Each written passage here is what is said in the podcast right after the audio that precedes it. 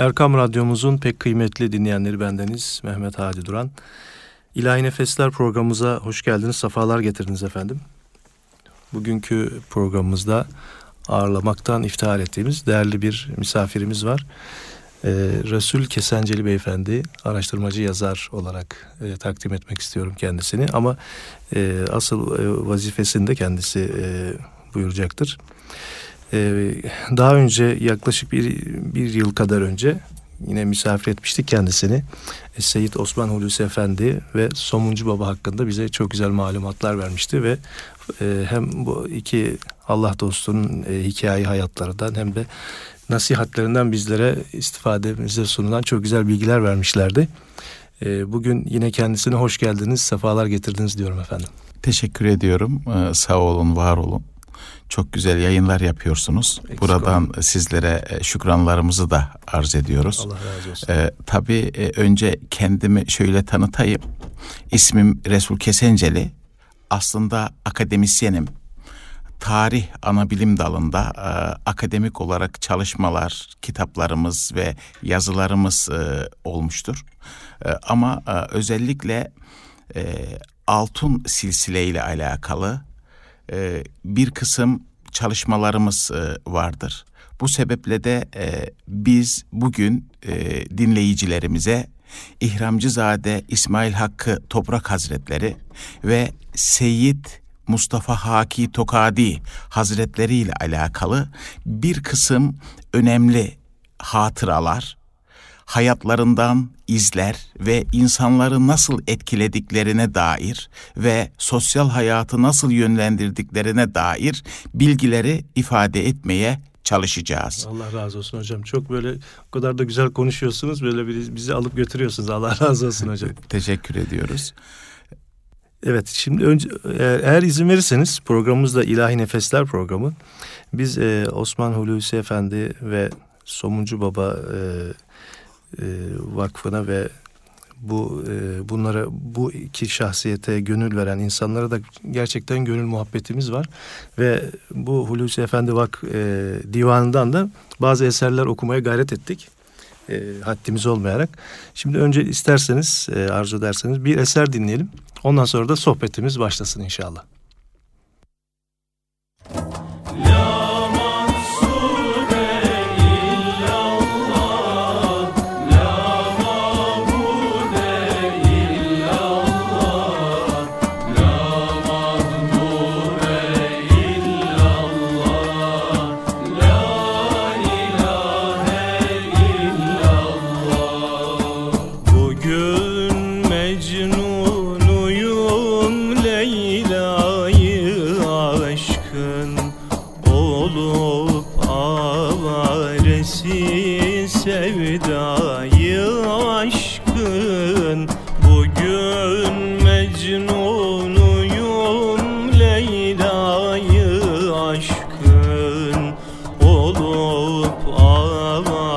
çaresi sevdayı aşkın cihan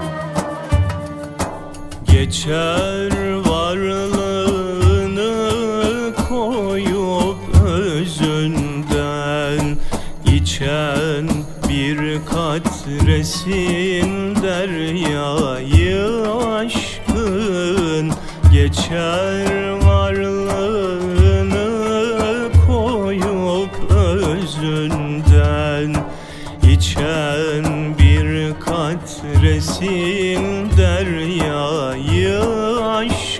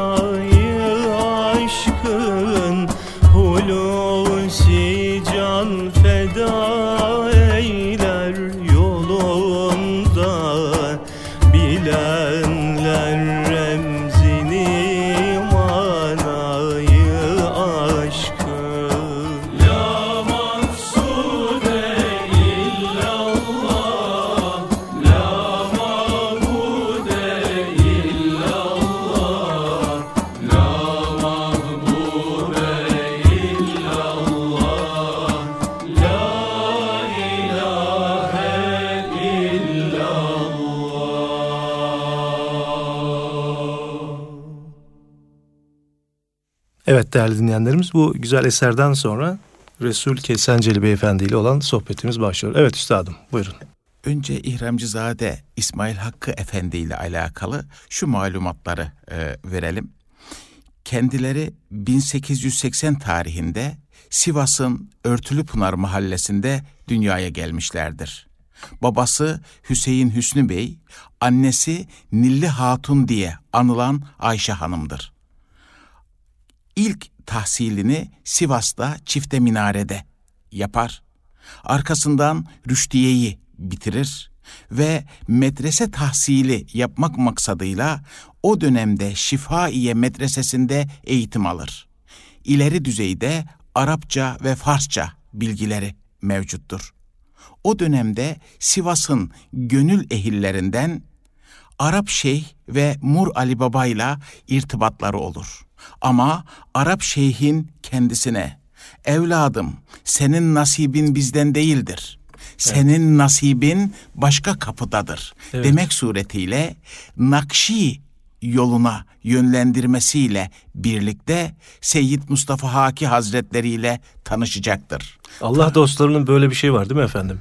Yani e, bakar ki mizacı ve yo- şeyi yapısı kendi meşrebine uygun değil. Onu doğru adresi. Hani bir doktora gidersiniz.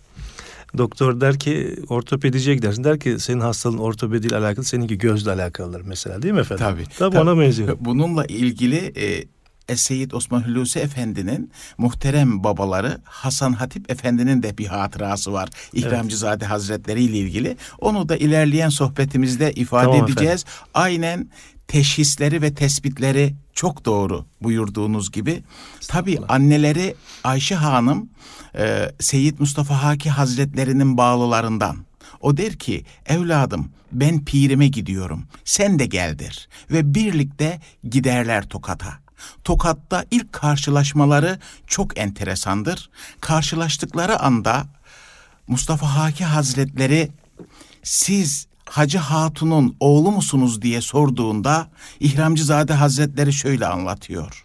Bana bu soruyu sorduğunda çok şaşırdım. Öyle şaşırdım ki evet efendim dedikten sonra şu haller bende zuhur etti. Ellerimin yeşil bir renk aldığını gördüm. Ve ben mürşidim, mürşidim ben oldum.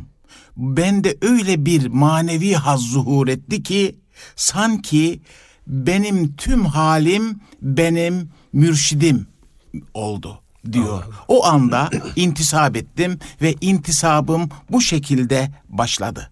Tabii ki ilk intisabı başladıktan sonra manevi eğitim ve terbiyeyi almaya başlarlar. Ve Seyyid Mustafa Haki Hazretleri kendisine manevi anlamda irşat eder. Tabii bu dönemde soy isim kanunu çıkar. 21 Haziran 1934'te ve İhramcızade Hazretleri toprak soy ismini alır. Tabi toprak soy ismini alması hem mürşidiyle Haki Hazretleri ifadesiyle çok bağlantılı hem de tasavvufi anlamda toprağın çok geniş bir anlamı vardır. Çünkü tüm olumsuzluklar toprağa atılır. Çiğnenir, vurulur, kazılır. Her şey yapılır ama topraktan hep güzellikler çıkar, letafetler çıkar, nezahetler çıkar. İşte bunun içinde toprak soy ismini alır. Ve tabii ki İhramcızade Hazretleri şunu söylüyor. Bize görev verildiği zaman irşat vazifemizin evvelinde çok garip kaldık. Ve bu yüzden bize Allah'ın garibi, garibullah dediler. Allah Allah. Ama daha sonraki dönem içerisinde ise biz gayın harfini kafa çevirdik. Allah Ve Allah. bundan sonra bize Karibullah, Allah'ın yakini ismini verdiler diyor. Ve ondan sonra da aslında tüm hizmetleri başlıyor ve devam ediyor. Şunu söylemek lazım. Bir önceki sohbetimizde hani anlatmıştık. Es-Seyyid Osman Hulusi Efendi Hazretlerinden bahsederken İhramcızade Hazretleri Sivas'tan sık sık da Darendi'ye gelir. Somuncu Baba Hazretleri için o bizim ser tacımızdır ifadesini kullanır. Çünkü Somuncu Baba Hazretleri zamanın kutbul azamıdır. Ve yine bir gün geldiklerinde henüz Hulusi Efendi Hazretleri 7 yaşlarında ve o sırada Darende, Darendeli bir ihvanı sorar. Der ki Hacı Mustafa'nın evini bilen yok mu? Oraya gideceğiz. Hiç kimse bilmez. Bu sırada Hulusi Efendi Hazretleri gelir. Efendim der ben biliyorum. Sizi götürebilirim. Peki oğul der bizi götür. Ve o sırada götürürken normal yollardan değil de bahçe aralarından götürür. Der ki evladım bizi nereden götürüyorsun? Hulusi Efendi Hazretleri şu cevabı verir. Efendim sizi yar yolundan götürüyorum. Sorar İhramcızade Hazretleri, evladım yar yolu nedir? Şu cevabı verir. Henüz o küçük yaşlarında. Efendim sevdiğine gidilen en kestirme yoldur. Çok hoşuna gider İhramcızade Hazretlerinin ve bu arada nihayet yere varırlar ve vardıklarında cebinden bir miktar para çıkarır. Der ki evladım bunu al. Hayır efendim ben para istemem der Hulusi Efendi. Ben himmet isterim, bana himmet edin der. Evladım hem himmet ediyoruz hem bu parayı al der. Olmaz efendim der. Evladım himmet ettik. Bu paranın içerisinde de himmet de var. Bizi de kırma der. İşte burada gerçekten himmeti almayı başarır. Henüz çok küçük yaşlarında biliyorsunuz divanı vardır Hulusi Efendi Hazretlerinin ve divanında çok güzel gazeller, ilahiler, mersiyeler, naatlar vardır. O anda bir doğuş olur. Doğuş olarak da şunu ifade eder. Can alıcı gözlerinin aldı beni bir nazarı, onmayıcı derdugama saldı beni bir nazarı. İlahisi burada doğmuş olacaktır. O zaman e, e, sözünüzü balla keseyim. Bir eser daha dinleyelim ve e, sohbetimiz, bu güzel sohbetimiz kaldığı yerden devam etsin efendim.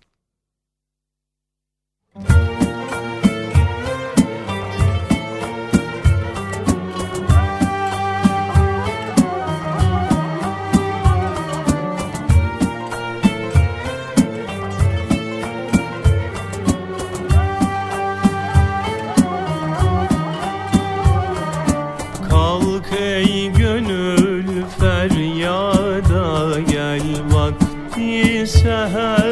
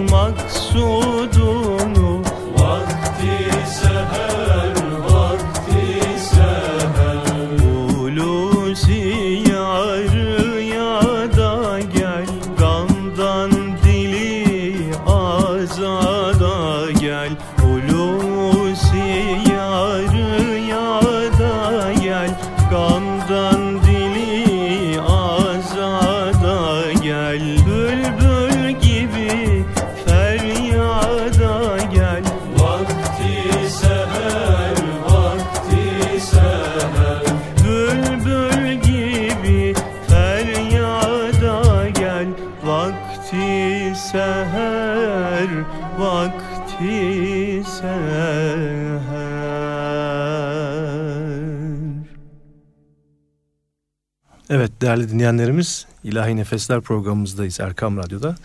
Resul Kesenceli Beyefendinin o kadar güzel sohbeti devam ediyor ki ben araya da giremiyorum fazla. Ee, ve evet e, bu himmeti Hazret kazanıyor İhramcızade Hazretlerinden değil mi? Ondan sonra Tabii şunu söylemek lazım. Aslında e, Hulusi Efendi Hazretlerinin babası Hatip Hasan Efendi'nin de irşatını yine İhramcızade Hazretleri yapar. Eyvallah. Nasıl olacaktır?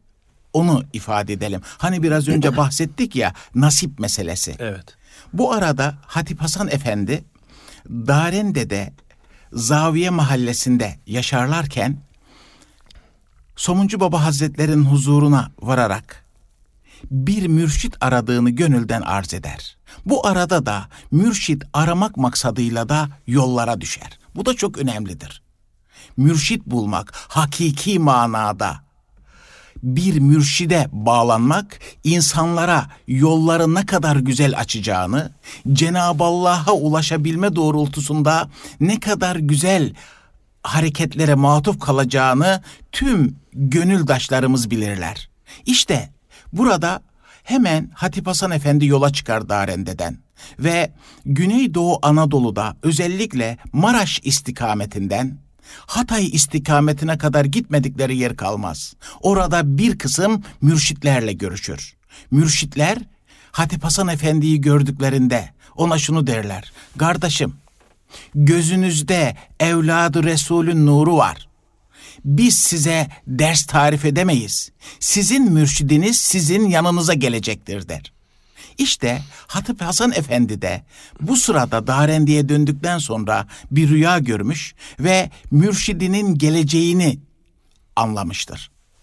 Tabii ki bir müddet sonra İhramcızade Hazretleri teşrif eder. Somuncu Baba Camii'nin avlusunda Hatip Hasan Efendi ile karşılaşıldığında der ki İhramcızade Hazretleri, Hatip Hasan Efendi kardeşim, gördüğünüz rüyayı siz mi bize anlatacaksınız, biz mi size anlatalım der. Orada anlar ve mübarek ellerinden öper ve dersini alır. İşte ders aldıktan sonra sohbetler vardır. Sohbetlerde semaverler yanar ve kıtlama usulü olarak çaylar yudumlanırken ilahiler okunur. Hani biraz önce sizler de terennüm ettiniz ya o Evet. güzel ilahiler okunur.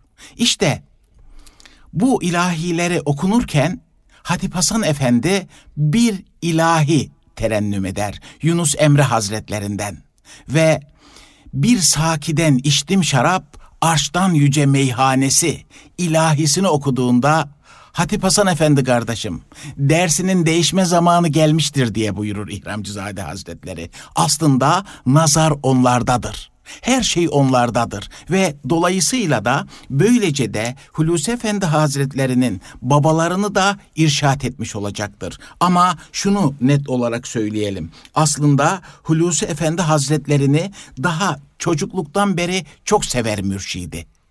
Ve daha küçük yaşlarda çocukken çok hastalanır Hulusi Efendi Hazretleri. Ve amansız bir hastalığa tutulunca bunu duyan İhramcızade Hazretleri Darende'ye kadar gelir ve Hatip Hasan Efendi'ye eğer müsaade ederseniz evladınız Hulusi'yi alıp Sivas'a götürüp tedavi ettirelim der. O da peki efendim der. Ve Hulusi Efendi Hazretlerini alır Sivas'a götürür ve ona şunu söyler. Evladım Hulusi senin tedavini yaptıracağız.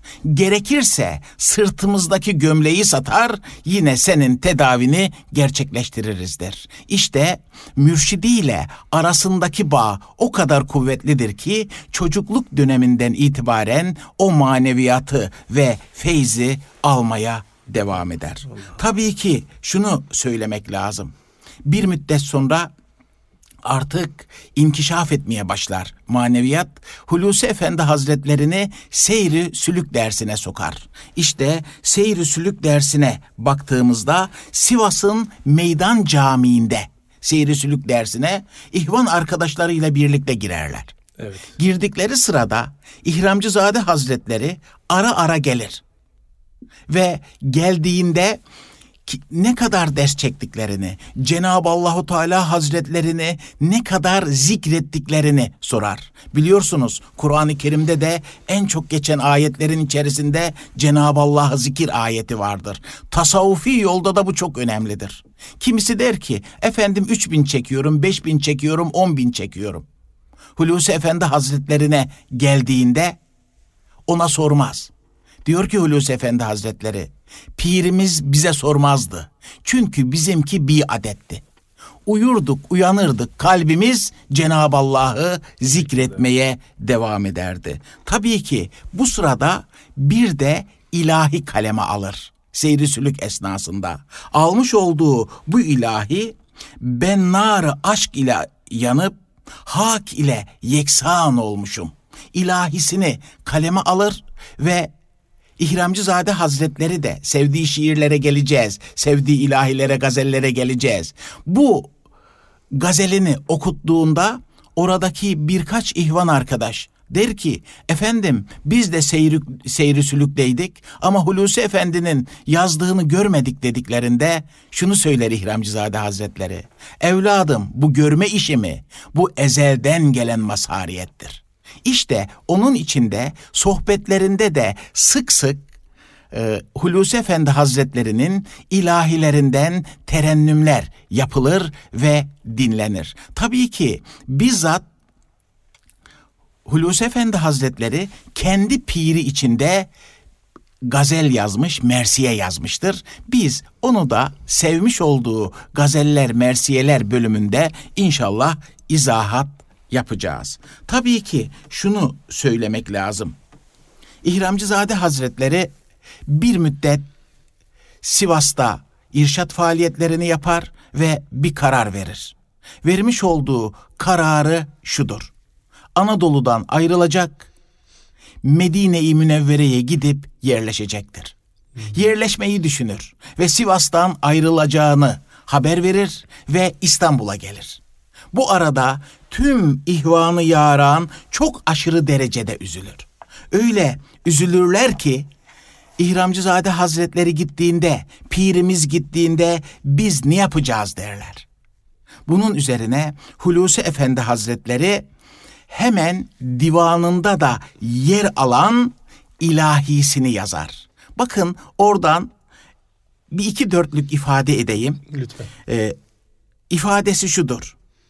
Derdinle gönül başladı zara. Açıldı dilde nice bin yara. Yüz tutup geldi sen kamkara. Gel efendim gel kalma orada. Üftadelerin ağlar burada. Düştü firaka hulusi ağlar. Bu hasret odu ciğerin dağlar.'' Bütün ihvanın hep karabağlar, gel efendim gel, kalma orada, üftadelerin ağlar burada. Bunun üzerine Hulusi Efendi Hazretlerinin bu yazmış oldukları ihvanlar arasında okunmaya başlar ve İhramcızade Hazretleri Anadolu'dan, Türkiye'den ayrılmaktan vazgeçecek, Sivas'a tekrar dönecek. Aslında ihvanlarıyla, sevdikleriyle, muhibbanlarıyla bir daha kucaklaşacak ve herkes memnun ve mesrur olacaklardır. O zaman yine e, araya giriyorum özür dilerim e, sohbeti bölmüş olmayayım. Yine bir eser dinleyelim efendim e, Hulusi Efendi Divanı'ndan. Sonra kaldığımız yerden sohbetimiz devam etsin.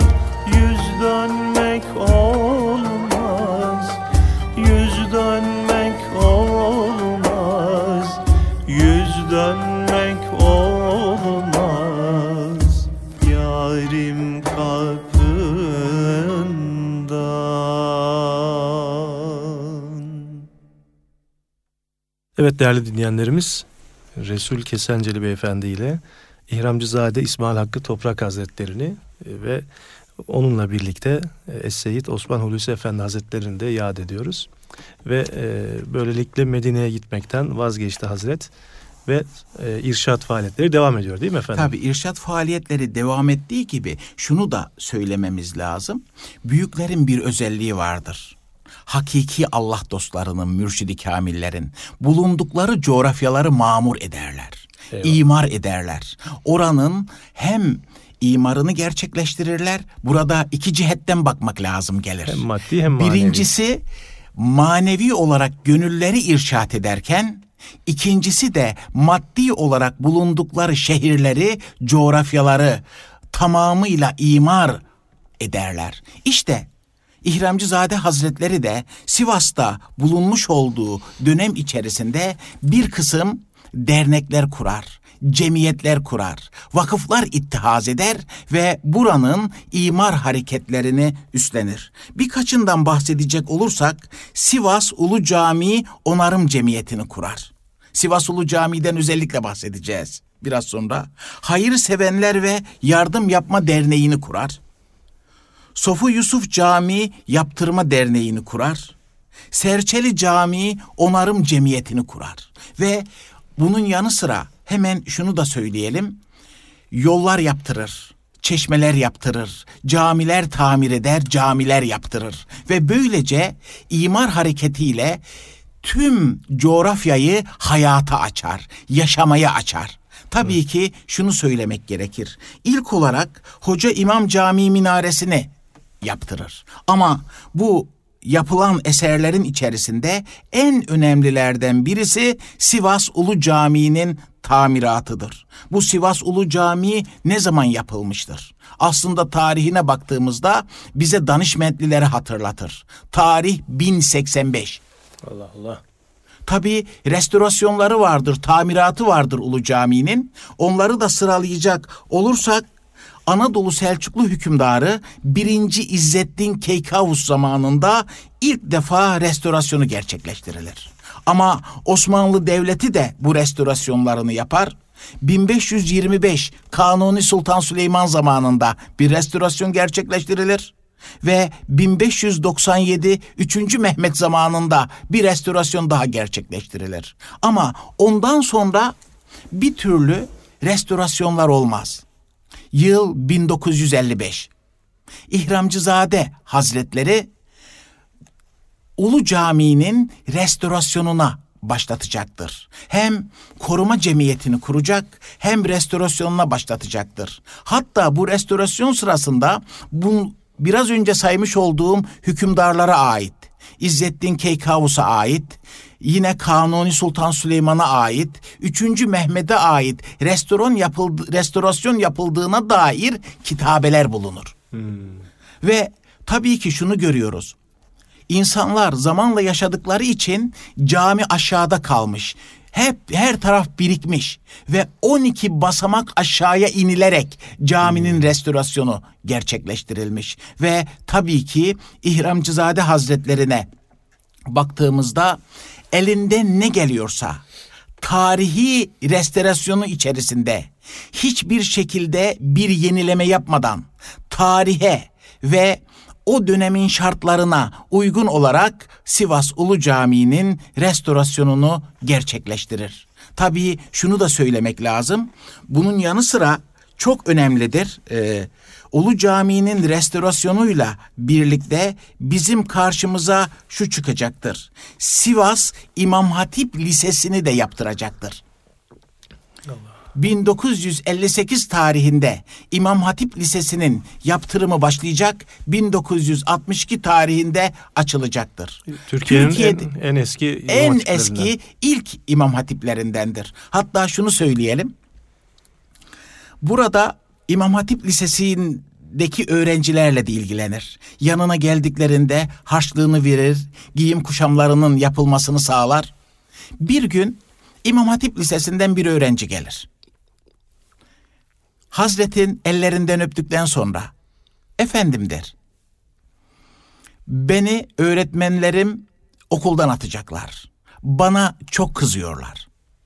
Sorar İhramcızade Hazretleri. Evladım niçin atacaklar? Sebebi nedir?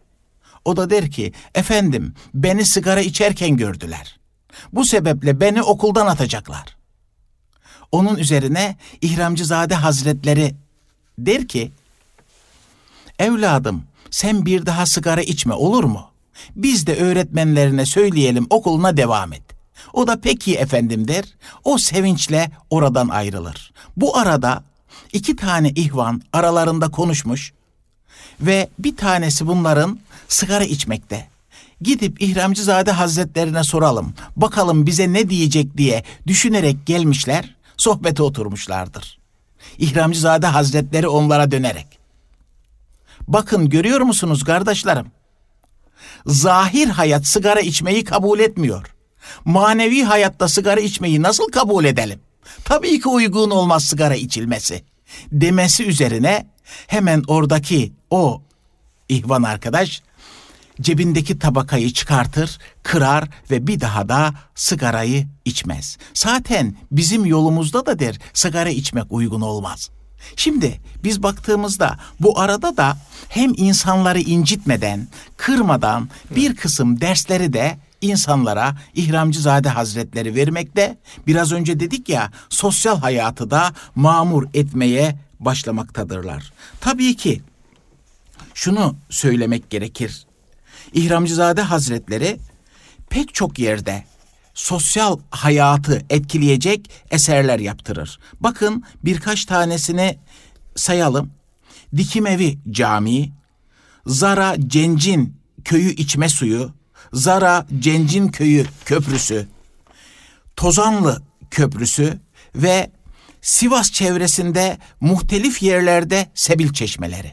Yani evet. yalnızca yaptırmış olduğu bu eserlerin dikkat edecek olursak sosyal hayattaki tüm insanların istifadesine sunulduğunu da görmemiz mümkündür. Tabii bizim. burada e, bu tip şey yerlerin bu hayır işlerini yaptırmak insanlar tabii ona teveccühü var. O tabii yönlendiriyor değil mi? İnsanlar hayır için gelen insanları yönlendirerek yani yaptırıyor derken Efendi Hazretleri'nin böyle bir parası yok muhtemelen ama ona ona teveccüh edip gelen insanları yönlendirerek yapıyor tabii, değil mi bunu tabii ki? Tabii o insanları yönlendirerek yapıyor. Hatta bir defasında böyle bir sohbet esnasında e, oturulurken şöyle bir hadise meydana gelir.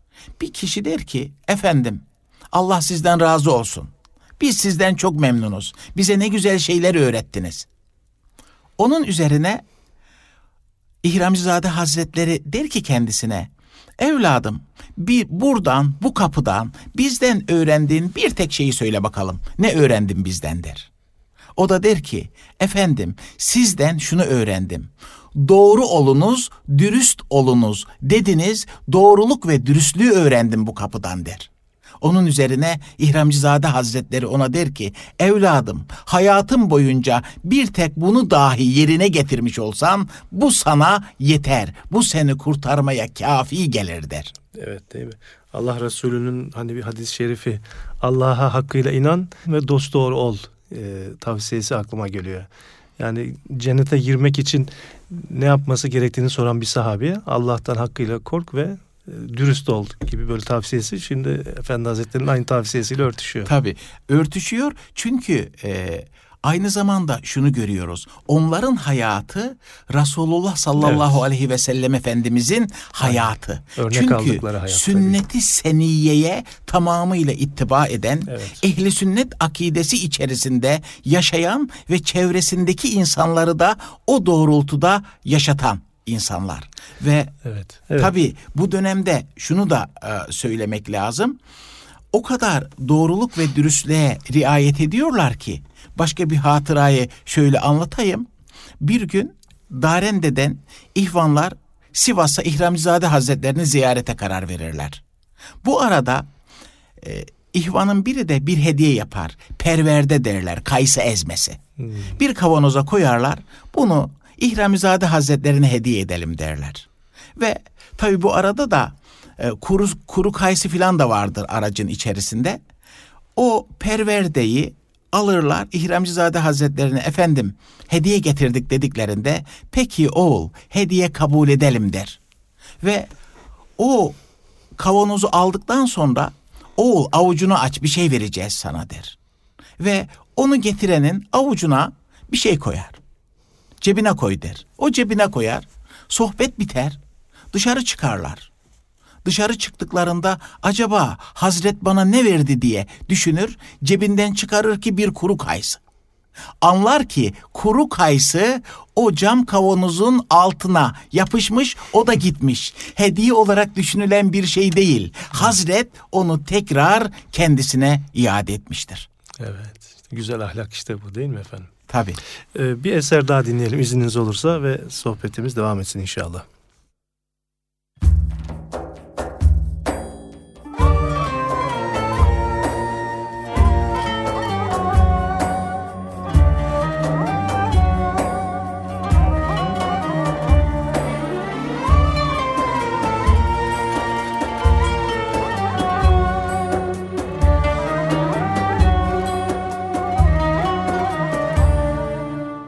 Karanfiller tütsün dursun. Çiçeklerin başı güldür Karanfiller tütsün dursun. Çiçeklerin başı güldür Bülbülleri ötsün dursun. Gözlerimin yaşı güldür Bülbülleri ötsün dursun Gözlerimin yaşı güldür. Sonuncu baharın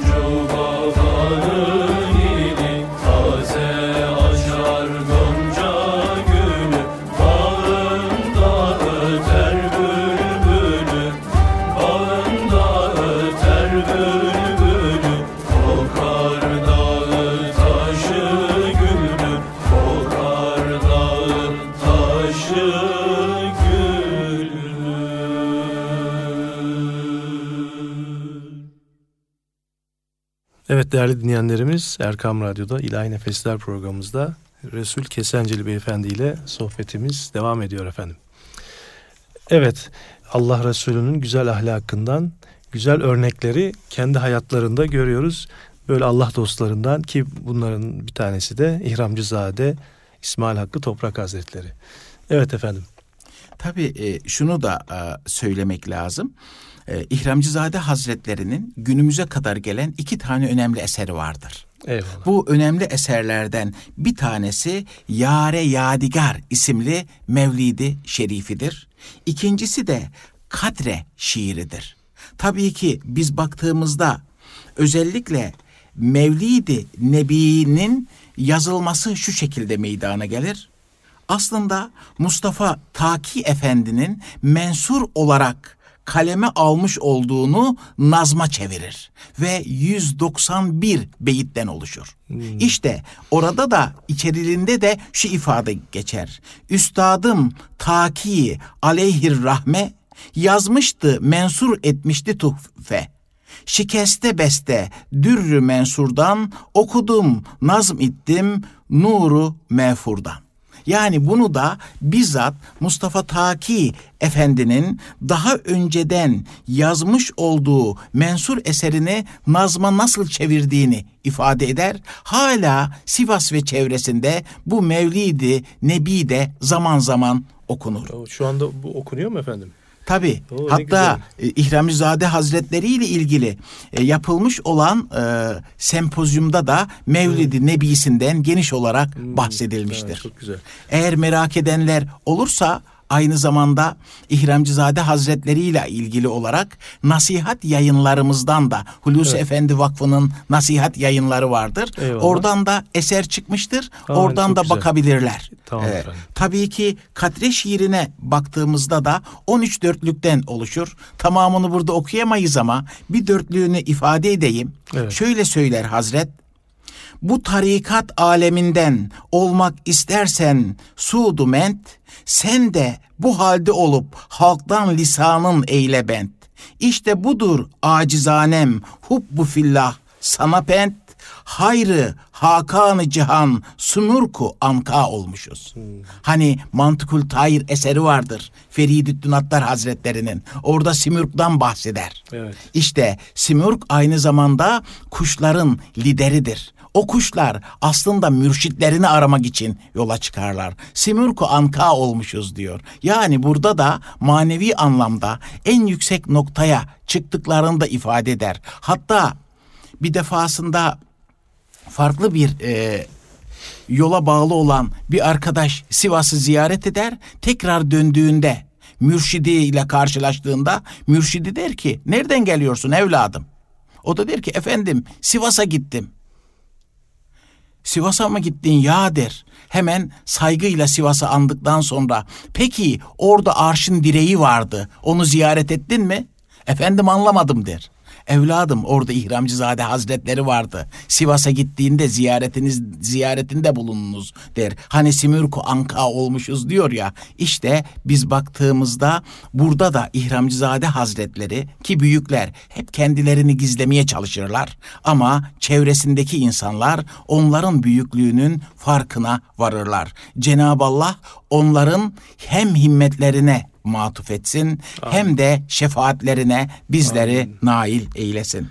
Tabii ki şunu söylemek gerekir. Bu arada e, en önemlisi de sevmiş olduğu bir kısım şiirleri vardır, ilahiler vardır. Aslında çokça okutmuş olduğu bu ilahilerden bazılarını e, isterseniz arz edelim. Bir onlardan bir bahsedelim. Hatta şuradan başlayalım. Aşık Veysel'in de bir şiirini okutur. Aslında yazmış olduğu ve sık sık bunu okutur ve dinlemekten de hoşlanırmış. Ki ilk dörtlüğü şu şekilde dost dost deyi nicesine sarıldım. Benim sadık yarim kara topraktır. Beyhude dolandım, boşa yoruldum, benim sadık yarim kara topraktır. İhramcızade Hazretlerinin de hem soy isminin toprak olması sebebiyle hem de esas olan hayatın ebedi hayat olması sebebiyle bunu da okutur. Ki aynı zaman içerisinde Hulusi Efendi Hazretlerinden de okutur.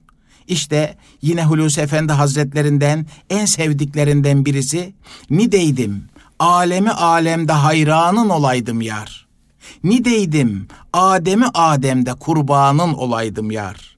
Nideydim, huri kılmanı, nideydim, bağı rıdvanı, nideydim, başka seyranı, sana seyran olaydım yar. Demek suretiyle burada çok güzel hem ilahiler okunur hem de şunu görürüz biz. İhramcızade Hazretleri şunu söyler. Hulusi Efendi Hazretlerinin ilahilerini çok fazla sever. Devamlı onları okutturur. Ve onlar okunduğu sırada da bir sohbette şunu ifade eder. Oğlum bu sözleri yol bizden geçtiği için bizi kastetmiş ve bize söylemiş. İşin aslı şudur. Nedir biliyor musunuz işin aslı? Bu sözler aslında Allah ve Resulüne söylenmiş sözlerdir. Ancak yol bizden geçtiği için bizi kastetmiştir. Fenafil ihvan iseniz ihvana. Fenafil şeyh iseniz şeyhe. Fenafil Resul iseniz Resulullah'a. Baki billah olduysanız Cenab-ı Allah'a söylenen sözlerdir. Evet. Onun için de bunları iyi dinleyiniz der. Tabii ki şunu e, görürüz biz. Her şeyden önce bunların tamamı okunurken iyi anlamak lazım. Siz de buradan terennüm yapıyorsunuz. Aslında divanının içeriğini kavramak lazımdır ki tasavvufi anlamda çok güzel ifadeleri görürüz. Bakınız bir yerde şunu söyler. Kuşe-i vahdetimiz, halvetimiz yar iledir. Sarmışız sinemize, vuslatımız yar iledir. Öyleyse her şey sevdiğiyledir. Her şey yariyledir. O zaman da yarıyla beraber olmanın neşesini insanlara anlatır. Bir de direkt mürşidine, İhramcızade Hazretlerine yazdıkları vardır. Evet. O yazdığından da müsaade ederseniz e, bir giriş yapalım. Şöyle söyler. Can mürgünün eskarı, didarı karibullah. Her demdeki efkarı, didarı karibullah. Almış ezeli varın, kılmış ana ikrarın, görmüş gül-i ruhsarın didarı karibullah. Bu bende Hulusi'nin, efkende Hulusi'nin, dil bende Hulusi'nin didarı karibullah. İşte Allah didar. Allah. Nedir didar? Aslında iki gözü diyor. Sevdiği, yari, efendisi, piri. Eyvallah. Aslında her şekilde de bunu ne yapabiliriz? Bizler ifade edebiliriz, anlatabiliriz. Evet değerli hocam, e, bugünkü programımız e, süresi burada sona eriyor. Bu güzel sohbetimize e, ben doyamadım doğrusu. Haftaya inşallah kaldığımız yerden devam edelim. Eğer uygun görürseniz siz de. E, bu biraz konumuz bölünecek ama e, aynı şekilde bizim dinleyen e, dinleyenlerimiz, izleyenlerimiz merak etmeyin kaldığı yerden devam ederler inşallah. Şimdi güzel bir eser dinleyelim yine Osman Hulusi Efendi divanından ve programımıza da e, müsaade ederseniz burada son verelim. Haftaya kaldığımız yerden devam ederiz. Olur mu efendim? Tabii. Değerli dinleyenlerimiz şimdi e, programımıza Osman Hulusi Efendi Hazretleri'nin divanından bir eserle son veriyoruz. Resul Kesenceli Beyefendi ile sohbetimiz haftaya devam edecek inşallah. Allah'a emanet olun.